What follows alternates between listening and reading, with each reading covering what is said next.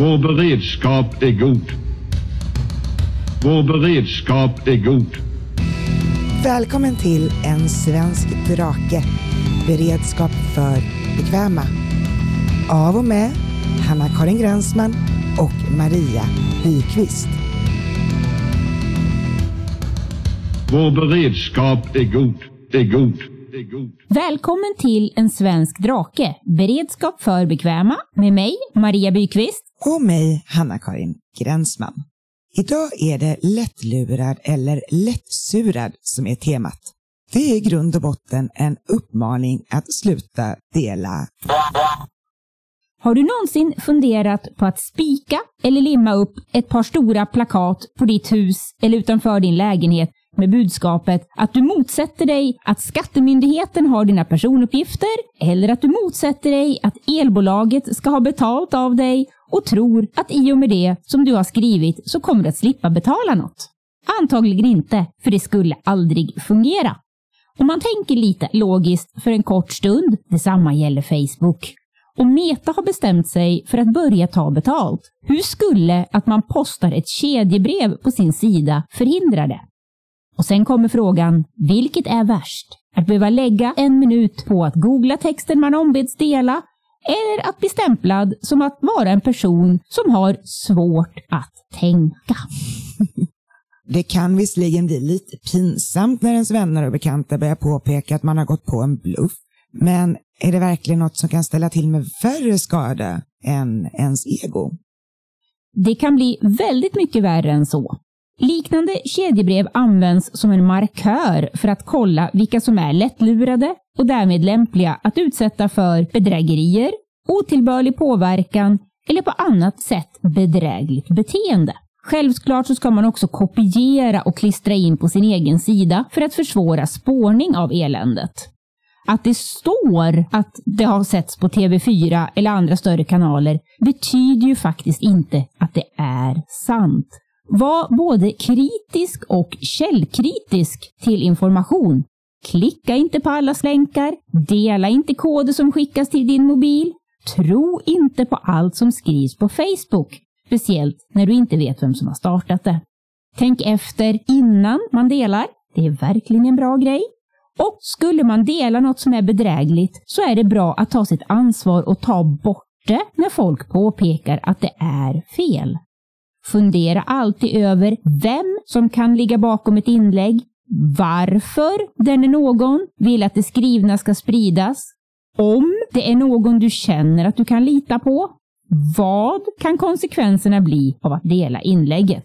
Och kanske speciellt vara uppmärksam på att även om du litar på personen som har delat det så finns det ju en jättefälla där. För bara för att du litar på den personen så betyder det ju inte att den personen har rätt. Personen kanske är lika lurad som du är på väg att bli. Det är en skillnad på att kunna lita på att den här personen jag känner inte ljuger för mig och att kunna lita på att den här personen som jag känner har rätt i sak. Så tänk på vem, varför, om och vad. Är du tveksam på inlägget, så dela det inte. Speciellt inte om inlägget framkallar starka känslor. För just det här att spela på våra känslor, det är ett sätt att få oss att bli korkade. Finns det något mer att tänka på för att vara beredd på allt som händer på nätet? En devis som jag har blivit mycket skeptisk till är mata inte trollen. Alltså strunta i att säga emot de som sprider desinformation. Eftersom när har det någonsin fungerat att ge onda troll fritt spelrum? Ju fler falska uppgifter som får stå oemotsagda, desto större risk är det att flera tror att de har rätt eftersom ingen säger emot dem. För att ta en Tolkien-liknelse. Troll, orker eller orcher och ringvålnader fick stå relativt oemotsagda rätt länge. Det enda som hände var att de tog över större större del av Midgård. Theoden, kung över Rohans ryttarfolk, försökte sig på Mata inte trollen ett bra tag. Och det enda effekten det fick var att Grima Ormstunga kunde tota i honom ännu mer desinformation. Så sammanfattningen är, det enda som fungerar var när alla goda folk som människor, alver, hobbitar och dvärgar gick ihop och motade iväg trollen med anhang. Gå hellre med på de goda sida än sitt på sidolinjen. Ja, för att det är ju alltid så att den som tiger, den som är tyst, och det gäller i alla former av situationer, den blir i praktiken stående på de onda sida. Att göra ingenting är inte på något sätt mer hedervärt än att ställa sig på de onda sida. Men ibland så verkar det ju som att det är helt vanliga konton som håller med trollen. Vad är det för några? Det är vanligtvis två olika kategorier. Ett, de som man vänligt kan kalla vilseledda eller mindre vänligt nyttiga idioter. Det finns en hel del forskning på att den här gruppen är mer benägen på att tro på konspirationsteorier än befolkningen i stort och att de i genomsnitt ligger under övriga befolkningen i IQ. Dessa varvas vanligen genom att troll högre upp i näringskedjan blandar fakta som kan verifieras med påhitt i inlägg och på så sätt leder in dem till att tro på de här lögnerna. I den här gruppen tycker man ofta att man har sett något smart som andra har missat och därför känner sig överlägsen och där uppmanar man ofta folk att vakna, ofta bara i stora bokstäver. Det är även vanligt att personer i den här gruppen har mycket lågt förtroende för samhället och staten och att de känner sig förfördelade av olika anledningar. Det här är det nog många som känner igen. Och det är ju svårt att se igenom. Om du har ett påstående som innehåller två, tre helt sanna faktabitar, men ytterligare några som är lögn, så är det ju inte alltid lätt att se igenom. Vi har inte alltid den kunskapen som gör att vi enkelt kan orientera oss. Är det här rimligt eller inte? Och då kan det ju vara bra att stämma av med någon som har rätt kompetens. Eller åtminstone vara försiktig innan man sprider vidare.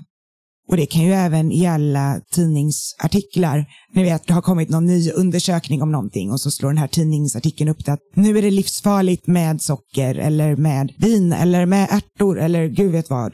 Och sen så när man pratar med någon som faktiskt förstår den här typen av forskning så visar det sig att det var en liten studie på fyra människor och den kanske betyder något eller kanske inte alls. Men definitivt så betyder det inte att det var livsfarligt. Så det är svårt att orientera sig. Men det är ju ingen anledning att inte försöka.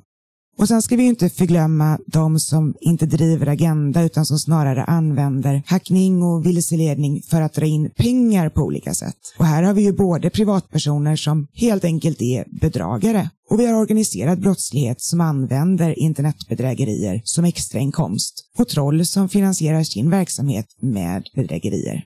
Så det finns ett antal sätt helt enkelt att bli indragen i sånt här. Just nu tycker jag mig se flera gånger i veckan så är det någon som tror sig ha fått ett meddelande från Meta, Facebook, att nu håller deras konto på att bli nedstängt och de har ont om tid. De har 24 timmar på sig och de måste på en gång klicka på länken i det här meddelandet och verifiera sitt konto eller försäkra sig om att det de har delat minsann inte är dåligt för att annars kommer Facebook ta bort deras konton. Och här är ju ett typexempel där man inte ska klicka utan istället ta sig till Facebook Meta via sina andra vägar och helt enkelt se, har jag fått någonting via Meta direkt, till exempel i mitt administratörsgränssnitt ifall jag driver en organisation eller ett företag. Har det inte kommit där så är det definitivt inte Facebook Meta som har skickat meddelandet. Och samma sak om man skulle få ett meddelande från sin bank, inte klicka på länken, inte använda uppgifterna i smset eller mejlet utan logga in eller kontakta sin bank via den här officiella kontaktinformationen. Och det är oftast ett ganska bra första steg för att försäkra sig om att man inte blir lurad. Så här har vi då den första kategorin. Vad är den andra kategorin? Den andra kategorin består av trollen som ligger lite högre upp i hierarkin och de här har alltid en agenda. De agerar utifrån egna konton som kan vara uppbyggda under längre tid och har falska namn. Eller så använder man hackade konton. Så se till att inte få ditt konto hackat för att slippa ha din Facebook-profil som agerar dyngspridare för propaganda. Och hur ser man då till att man inte får sitt Facebook-konto hackat? Klicka inte på skumma länkar där det står att “Kolla, här är en bild från midsommar när du är pruttfull” Utan har du fått en sån länk av någon och det ser ut som en lite skum länk, klicka inte utan fråga den som verkar ha skickat det på något annat sätt än via Messenger. Vad är det här? Är det verkligen någonting jag ska klicka på? För att största chansen är att det bara är fake. Även om du faktiskt har varit pruttfull på midsommar. Ja, att någon skulle ha filmat det och lagt ut det på Facebook, såvida du inte är jättekänd, är ganska liten risk. Och de här chefstrollen kan vara allt från agenter för främmande makt till det som oavlönat sprider agenda på grund av idealistiska skäl. Och kapade konton är de perfekta stödtrupperna på olika forum så undvik att göra saker som kommer att få dig stämplad som korkad, helt enkelt. Och naturligtvis så gäller det här för alla sorters social media. Och alla har sagt det här hur länge som helst och vi, vi säger det igen ändå. Men det är inte en jättedum idé att slå på tvåstegsautentisering. Det vill säga att när någon loggar in från en okänd enhet så skickas det till exempel en kod till din mobiltelefon så att ingen ska kunna ta sig in hur enkelt som helst och även byta sina lösenord emellanåt. Och här är det ju utmärkt då också att när du skapar dina nya lösenord för att ha en chans att komma ihåg dem, om du inte vill använda tekniska hjälpmedel där man kan spara dem på olika sätt, gör som Maria. Hitta på de här eh, reglerna. Hon har ju draksvans som ni kommer ihåg från avsnitt tre för att komma ihåg allting vi behöver för hemberedskap. Använd den typen av minnesregler så att du vågar byta lösenord med viss frekvens. För det minskar också risken att någon kommer över det och sen kan använda ditt konto till någonting som du inte alls har lust att de ska använda det till. Och det är förvånansvärt stora mängder varje vecka som får sina konton kapade. Så tänk efter före så slipper det bli pinsamt i slutändan. Veckans matutmaning. Förra veckan så fick jag ju plättar. Det kommer jag fortfarande ihåg. Då utmanade jag också Maria, med att det blir höst och tänkte att vi måste ha lite riktig mat också och inte bara godsaker. Så jag utmanade henne på att göra soppa. Och då naturligtvis inte burksoppa, för det är ingen utmaning, utan riktig soppa. Så vad har du med dig Maria? Jag har med mig en krämig potatissoppa med vildchips. Och... Stopp! Vad va, va är vildchips för någonting? Men det är, så, det är världens bästa... Alltså, jag har det både till matlagning och godis. Det är eh, torkat, flingat kött av älg, ren eh, och hjort som finns på små praktiska påsar. De är jättegoda att gå och tugga på och sen är det lite mindre socker än vanligt godis. Det är inget socker alls. Du har en soppa med vildchips alltså? Ja, kräm, krämig potatissoppa gjord på burkpotatis och eh, gräddpulver, mjölkpulver, massa goda kryddor och sen toppad med lite burkmajs och extra. Ah, det ser ut som en, ja, men en ganska vanlig potatissoppa. Och sen har vi de här, det är några små bitar här. Det är det här som är vildchipsen. Nu ser ju inte ni, men, men det ser ut som små köttbitar. Torkat, ja. flagat kött. Precis. Jag känner att jag måste öva på det här och jag ska liksom visualisera och få er att se det jag ser. Mm, då smakar jag. Jag tror att den här podden kommer mer och mer profilera sig som det här fina brevet vi fick av eh, våran eh, Drakpodds-lyssnare som sa att eh, vi skulle egentligen kalla oss för den svenska draken, beredskapsmatvraken. Och nu har vi intressanta gester här att jag ska fortsätta prata medan hon fortsätter att äta. Men jag måste ju få äta, utan mat så dör man. Vill du veta vad jag tyckte? Ja. Svälj, svälj, tugg, tugg, smask, smask. I min bok så kan det ju inte jämföra sig med kakor och, och plättar och godsaker. Men det smakar alldeles utmärkt. Det smakar vad man förväntar sig av potatissoppa. Och jag tyckte att de där vilt... Vildchipsen? Jag tycker att de var lite intressanta och jag tänker också att de har viktig funktion av protein. Det är väldigt bra protein och sen ger det väldigt bra smak. Det är liksom det som finns som beredskapsmatvaror som kan ersätta bacon och sånt där i vanliga recept. För det ger liksom en väldigt mustig smak. Och protein är ju det som är svårast att hitta när man håller på med beredskapsmat. För det är inte så jättemånga grejer som man kan ha som ingredienser i matlagning som innehåller protein. Ja, alltså det blev ju onekligen mer intressant än om ska säga, bara hade varit soppan, alltså intressant smakmässigt. Och det spelar ju också roll. Äter man inte kött så kan man ersätta viltchipsen med bönor, linser, kikärtor, sådana grejer. För de innehåller hyfsat bra med protein de också. Så att det går att bara byta ut en grej i receptet så är den vegetarisk. Jag kan också tänka mig att själva viltchipsen som sådana är någonting som man kan ge petiga barn och i en liten skål och låta dem själva plocka så får de i sig proteiner. Ja, det är ju ett väldigt bra knep om man har barn som får väldigt nedsatt matlust när det är stressigt runt omkring dem. Oavsett om det är en NPF-diagnos i botten eller om det är de blir mindre hungriga när de är stressade. Så finns det en metod som kallas för grazing, att beta. Då lägger man bara små mängder med mat i skålar där barnen är så att de alltid har någonting ätbart inom armlängds avstånd. För då får de i sig det de ska. Det blir inte de här strukturerade måltiderna, men ibland så är det huvudsaken att barn får i sig mat och inte hur de får i sig det. Och viltchips är ju ett bra mycket bättre alternativ än godis och potatischips. För det här är ju väldigt, väldigt nyttigt. Ja, det är mycket, mycket viktigare att barn får i sig mat än hur de får i sig maten. Av uppenbara skäl, hoppas jag. För nästa vecka har jag tänkt och kommit på en utmaning kring frukostmat. Mina barn till exempel, de äter antingen fil med müsli, den typen av saker, eller så äter de smörgås med olika typer av pålägg. Och ingenting av det som de normalt sett äter är ju så att säga beredskapsmat. Så jag skulle helt enkelt vilja ha tips på vad jag skulle kunna ge dem som en bra frukost. Och gärna mig själv också, för jag kommer också att behöva frukost i händelse av kris eller samhällsstörning. Då ska vi se till att fixa någon god frukost åt dig. Jag har en plan. Strålande. Var inte rädd, var förberedd. Vet ni ja.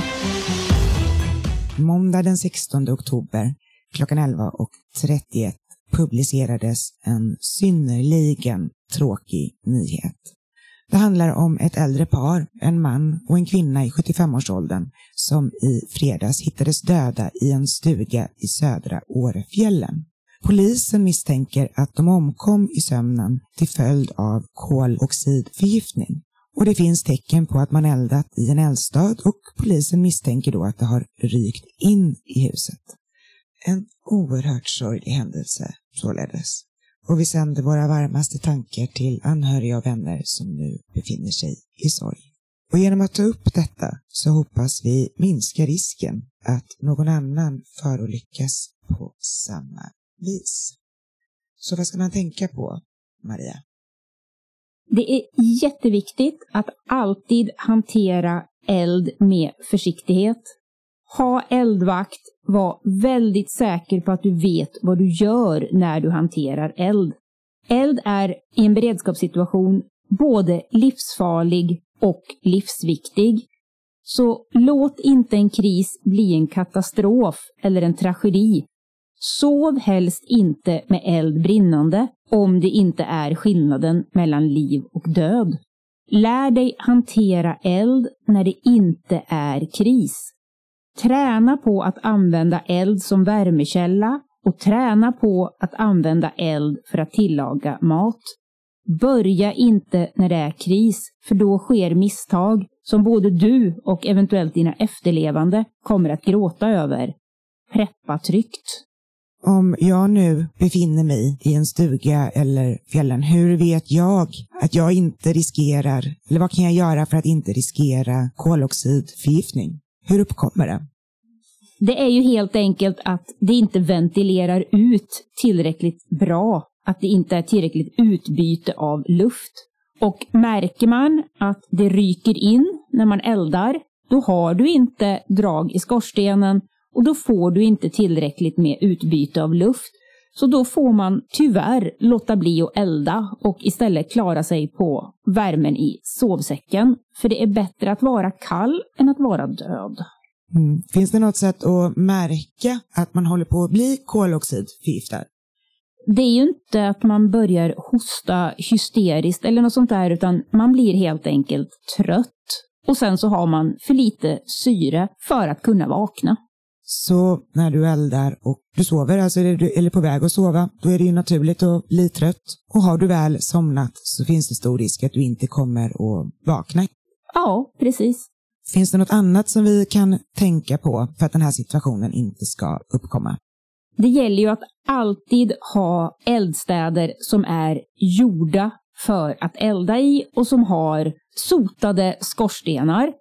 Och det gäller ju både eldstäder och kaminer.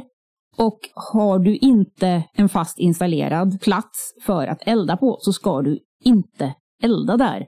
Så att plocka in grillen för att värma upp en stuga eller liknande, det är verkligen att be om att katastrofer ska hända. Och dessutom gäller inte försäkringen om huset skulle brinna ner. Så även om det inte blir dödsfall som är konsekvensen så kan konsekvenserna bli att ni står utan hus och hem och inte får någon som helst ersättning. För grillar hör inte hemma inomhus. För vissa kanske det låter fullkomligt självklart, men vi har ändå ett antal fall varje år där det har hänt. Så sammanfattningsvis, var försiktig med eld, preppa tryggt. Precis.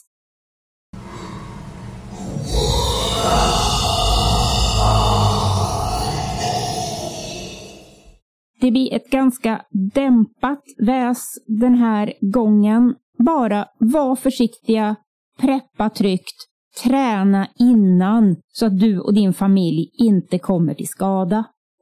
Börja nu med att ta upp kalendern och titta på det första möjliga datumet för att träna på någonting som har med beredskap att göra. Du och din familj är så värdefulla så ni förtjänar trygghet i alla former vid en kris. Så fram med kalendrarna och hitta ett datum för att träna på din beredskap. Det finns massor med saker som man kan träna på. Till exempel, någonting som är bra att börja med, det är träna på att använda eld för att värma mat. Värm bara tevatten eller koka nudlar eller någonting enkelt. Träna till exempel hur ni tar er ut ur lägenheten eller huset om det skulle börja brinna. Det är liksom inte en hel dag som behöver investeras utan en halvtimme, tre kvart, sådär. Så börja träna. Även den här veckan har vi haft sån tur så att vi har fått drakpost. Hej! Följer er från andra avsnittet och gillar det verkligen. Sitter med ett anteckningsblock när jag lyssnar. Lidandet var svårt när ni missade ett avsnitt. Det jag undrar över nu är varför det är just en svensk drake. Kul med lite patriotism. Men varför har ni valt just svensk och varför drake? Och när ni ändå håller på att svara, varför inte en svensk tiger som är ett känt begrepp? Fortsätt med ert bra program. Hoppas ni kommer att göra riktigt många. Det ni borde skämmas över är att mäta säkerhetsavstånd i draksvansar. Jag skrek åt min pojkvän att han hade för lite draksvansar till nästa bil. Han tror att jag är idiot nu.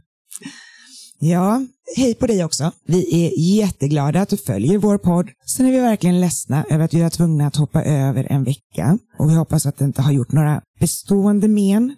Men även beredskapsdrakar kan råka ut för kriser och olyckligtvis så sammanföll flerfrontkriser för oss båda två samtidigt. Så det gick helt enkelt inte att få ihop. Men vi gör alltid vårt bästa för att säkra upp framtida system för att få avsnitten att komma i tid. Även vår beredskap kan alltid uppdateras. För att svara på frågan varför svensk och varför drake så börjar jag med draken. Det är både för att jag älskar drakar och har världens mesta drake Flamma med i alla böcker som jag skriver och för att drakar är kända för att samla på sig värdefulla saker. Riddare och konservburkar är dessutom rätt lika beroende på en diet. Men varför svensk? Det är för att beredskap måste anpassas för de unika förhållanden som råder i just det landet där man bor. De tipsen som vi ger i den här podden skulle i stort sett kunna fungera även i Finland och Norge. Dock är det inte säkert att tipsen om olika saker inom samhällsstruktur stämmer där. Nivån av digitalisering i ett land avgör vilka råd som behövs Boendestandarden är avgörande för vilka råd som fungerar och därför inriktar vi oss på svensk beredskap, för det är det också som vi kan. Ja, och en svensk tiger är ju för all del mycket mer välkänt. Men det är också så att försöker man använda en svensk tiger så tenderar beredskapsmuseet, de tenderar att stämma en. Och ehm, Givet hur det gått för de andra som har blivit stämda så känns det här inte som en strid som vi kan vinna eller är beredda att ta. Vad gäller draksvansarna, eller kanske snarare draklängderna, så ber vi om ursäkt för det. Eller ja, inte riktigt. Men om du får pojkvännen lyssna på podden så kommer han att veta var det kommer ifrån. Och vi kan inte direkt lova att det inte kommer fler minnesregler av den sorten, utan snarast tvärtom. Men fördelen är ju att ni faktiskt kör säkrare när ni håller avståndet. Så heja draklängderna. Och draksvansar. Och draksvansarna. Vad vi än kallar dem för. Heja håll avstånd i trafiken. Nästa avsnitt blir det mycket matprat. Vi måste ju faktiskt omfamna vår alternativa slogan, det vill säga den svenska draken, beredskapsmatvraken. Så nästa avsnitt blir det mat för allergier i kris. Vad skiljer sig från vanlig matberedskap? Vad ska man tänka på? Och hur kan man arbeta sig fram till något som fungerar när man har omfattande eller allvarliga matallergier? Vi vill också flagga för att i vårt tionde avsnitt så kommer det att bli ett frågeavsnitt. Så redan nu är ni varmt välkomna att börja tänka ut frågor och skicka in till oss. Och vi kommer svara på så många frågor som vi bara kan klämma in i programmet. Och hur får man tag i oss? Man hittar oss på Instagram och Facebook under Slottsdraken. Och där hittar ni också allt det extra material som vi försöker lägga upp så att ni faktiskt ska kunna göra de här sakerna vi pratar om i praktiken. Och känner du någon person i övre trotsåldern som inte vill skaffa en beredskap för att det verkar för krångligt, tråkigt och hopplöst, så skicka dem till podden En svensk drake. Här blir det garanterat okomplicerat. Vi har åtminstone själva väldigt roligt och det blir många tankevurpor, skutt och beredskapsbravader. Så välkomna till Beredskapspodden som kommer ut varje söndag. Så länge vi inte står inför kris och katastrof själva. Precis. Och slutligen så vill jag bara påpeka att vi inte på något sätt är kopplade till public service, till deras stora lättnad. Vi är helt frigående, fristående och troligen även tämligen fritänkande. Det vill säga, vi gör som vi vill och säger vad vi vill inom ramarna för svensk lagstiftning och Spotifys regler. Gillar vi någon produkt så talar vi om det och så även tvärtom. Det här är för närvarande helt osponsrat, så vill du med beredskapsadekvat företag sponsra oss så är vi öppna för sånt också. Och skulle det hända så kommer vi att tala om det i enlighet med reglementet. Exakt så. Du har lyssnat till En svensk drake, beredskap för bekväma, av och med Hanna-Karin Gränsman och Maria Byqvist. Besök Spotify för att inte missa ett avsnitt. Nya avsnitt varje söndag.